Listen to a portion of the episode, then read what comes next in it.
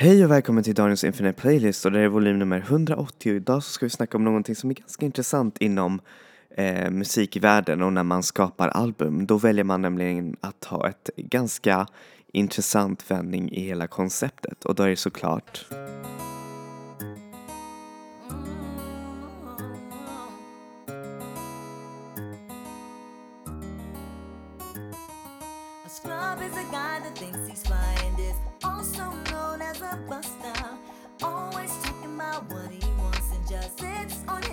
forget.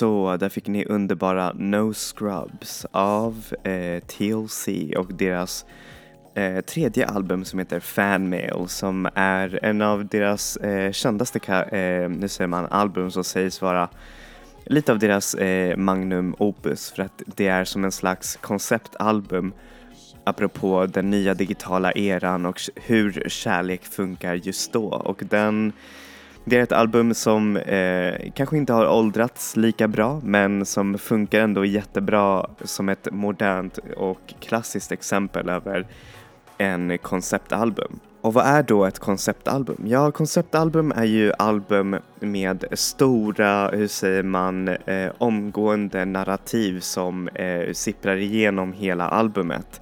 Egentligen så är nästan varenda album ett slags konceptalbum för det är ju olika teman som artisten går igenom. Men konceptalbum kan ändå ses som en slags mera, hur säger man, sammanhållande narrativ. Och det behöver inte just vara en berättelse men det är jättemånga som just använder sig av koncept, konceptalbumet att, för att berätta, hur säger man, en eh, berättelse från början till slut medan andra använder sig konceptalbum för att eh, berätta om, eh, hur säger man, en slags en tema eller karaktärer. Eh, ett känt exempel är ju Beatles Sgt. Pepper's Lonely Hearts Club Band som eh, fokuserar på, hur säger man, bandmedlemmarna ur Sgt. Peppers. Det är ju en, det är ett känt konceptal, konceptalbum som äl, är älskad av många.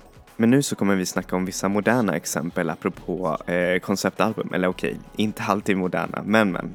Så, och det första som vi ska snacka om är ju såklart Arcade Fire. Arcade Fire har nästan gjort sig kända genom att bara göra konceptalbum. Jag tror att den enda som är minst kon- slash, slash konceptalbum är ju såklart deras två senaste album som heter Reflector och den andra som heter Everything Now.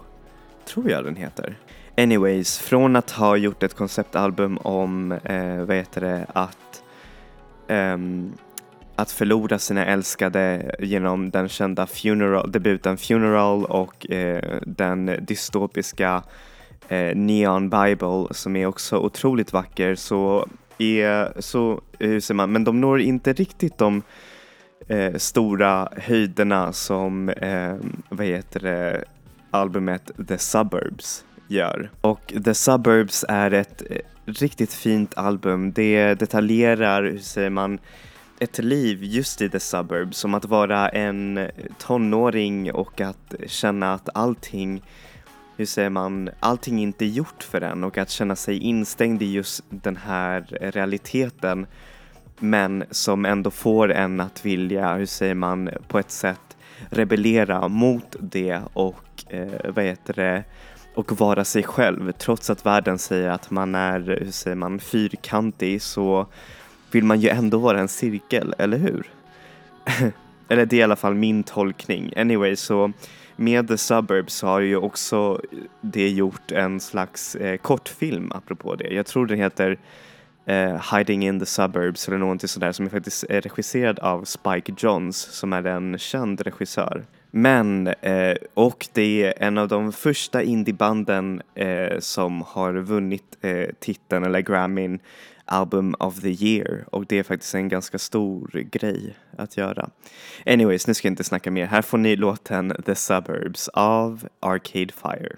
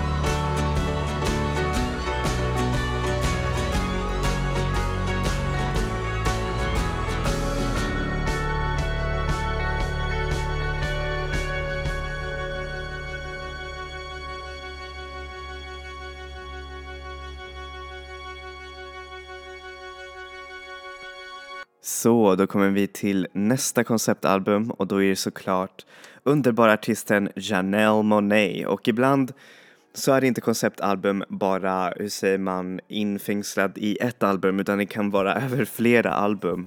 Och det har på ett sätt eh, Janelle Monet gjort med sina tre albums som kallas för The Arcandroid eh, Trilogy som baseras på en eh, android cyborg eh, som heter Cindy Mayweather. Och vi får följa hennes resa i en slags eh, futuristisk värld där eh, robotar inte får känna någonting men hon, hon känner någonting. Och så får vi se hennes resa eh, genom just den här oschyssta världen som verkar inte vara bra. Och, och hon gör det här konceptet på ett så bra sätt. Det, det har ett narrativ med början och slut. Och det detaljerar framtiden på ett så bra sätt men som ändå speglar problemen som vi har med vårt samhälle idag. Och jag rekommenderar er starkt att lyssna på The Arcandroid eh, Trilogy. Men kanske inte just, eh, hur säger man,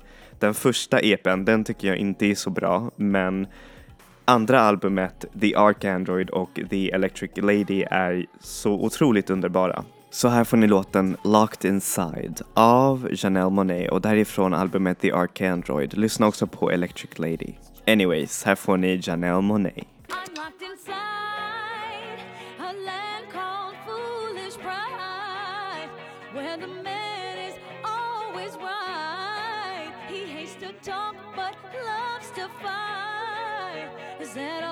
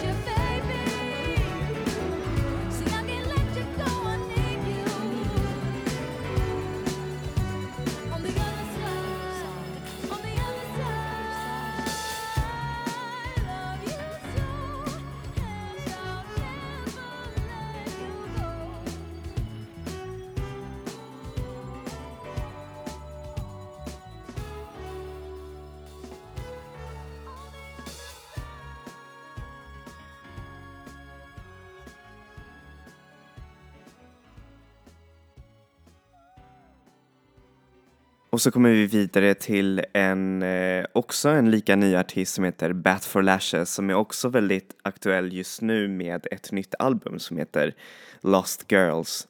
Och Bat for Lashes är en sån artist som verkligen inte heller, hur säger man, blir blyg ifrån att göra stora massiva konceptalbum med, eh, hur säger man, med ett tydligt narrativ. Hennes kändaste album Two Sons revolverar kring en slags dualitet mellan två karaktärer som är i ständigt krig med varandra medans hennes, ehm, eh, hennes fjärde album tror jag som heter The Bride handlar om ett eh, lyckligt par som ska gifta sig men allting går i kras när eh, vad heter det, mannen i det här förhållandet, just när de ska gifta sig eh, så eh, eh, blir mannen, eh, ser man del av en slags trafikolycka och eh, Eh, avlider och eh, albumet behandlar just den här sorgen som eh, den här eh, eh, den här tjejen får uppleva liksom efteråt att gifta sig eller inte gifta sig och att gå till smekmånaden ensam och allt det där. Det är ett otroligt sorgligt men ändå ett ganska vackert album för den handlar ju också om att eh, vad heter det, finna sig själv och att kunna lära sig älska igen. Men med, hur säger man, med minnet av den som man älskade starkt inburen i sig. Vilket jag tycker är så otroligt vackert och ändå ganska moget av henne att göra det. För det är inte så många som gör sådana där eh, narrativ och eh, The Bride tror jag har till och med gjorts som en slags film som ackompanjerar albumet. Anyways, här får ni låten Sunday Love av Bat for Lashes.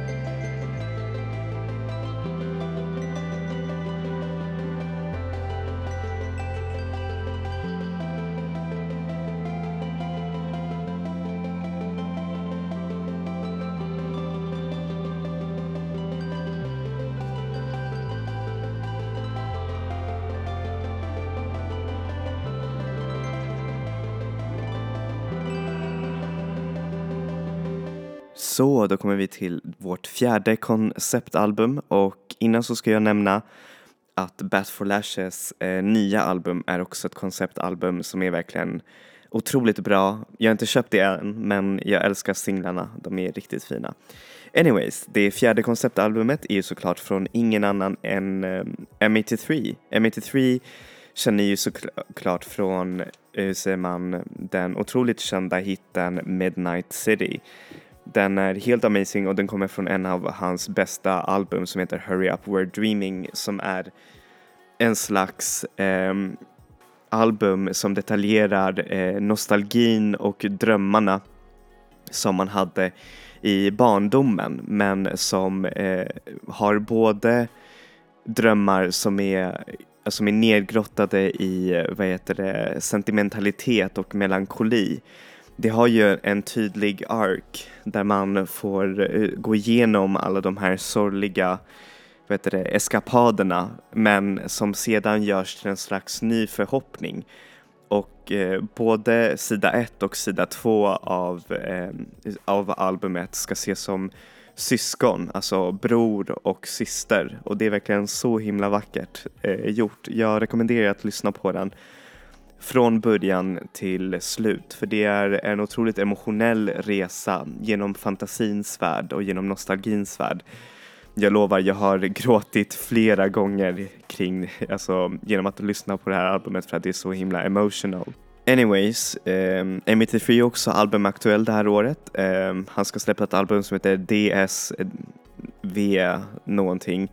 Och det är tydligen en eh, instrumentell album vilket jag tycker är ganska tråkigt. men men. Anyways, här får ni låten Reunion av M83.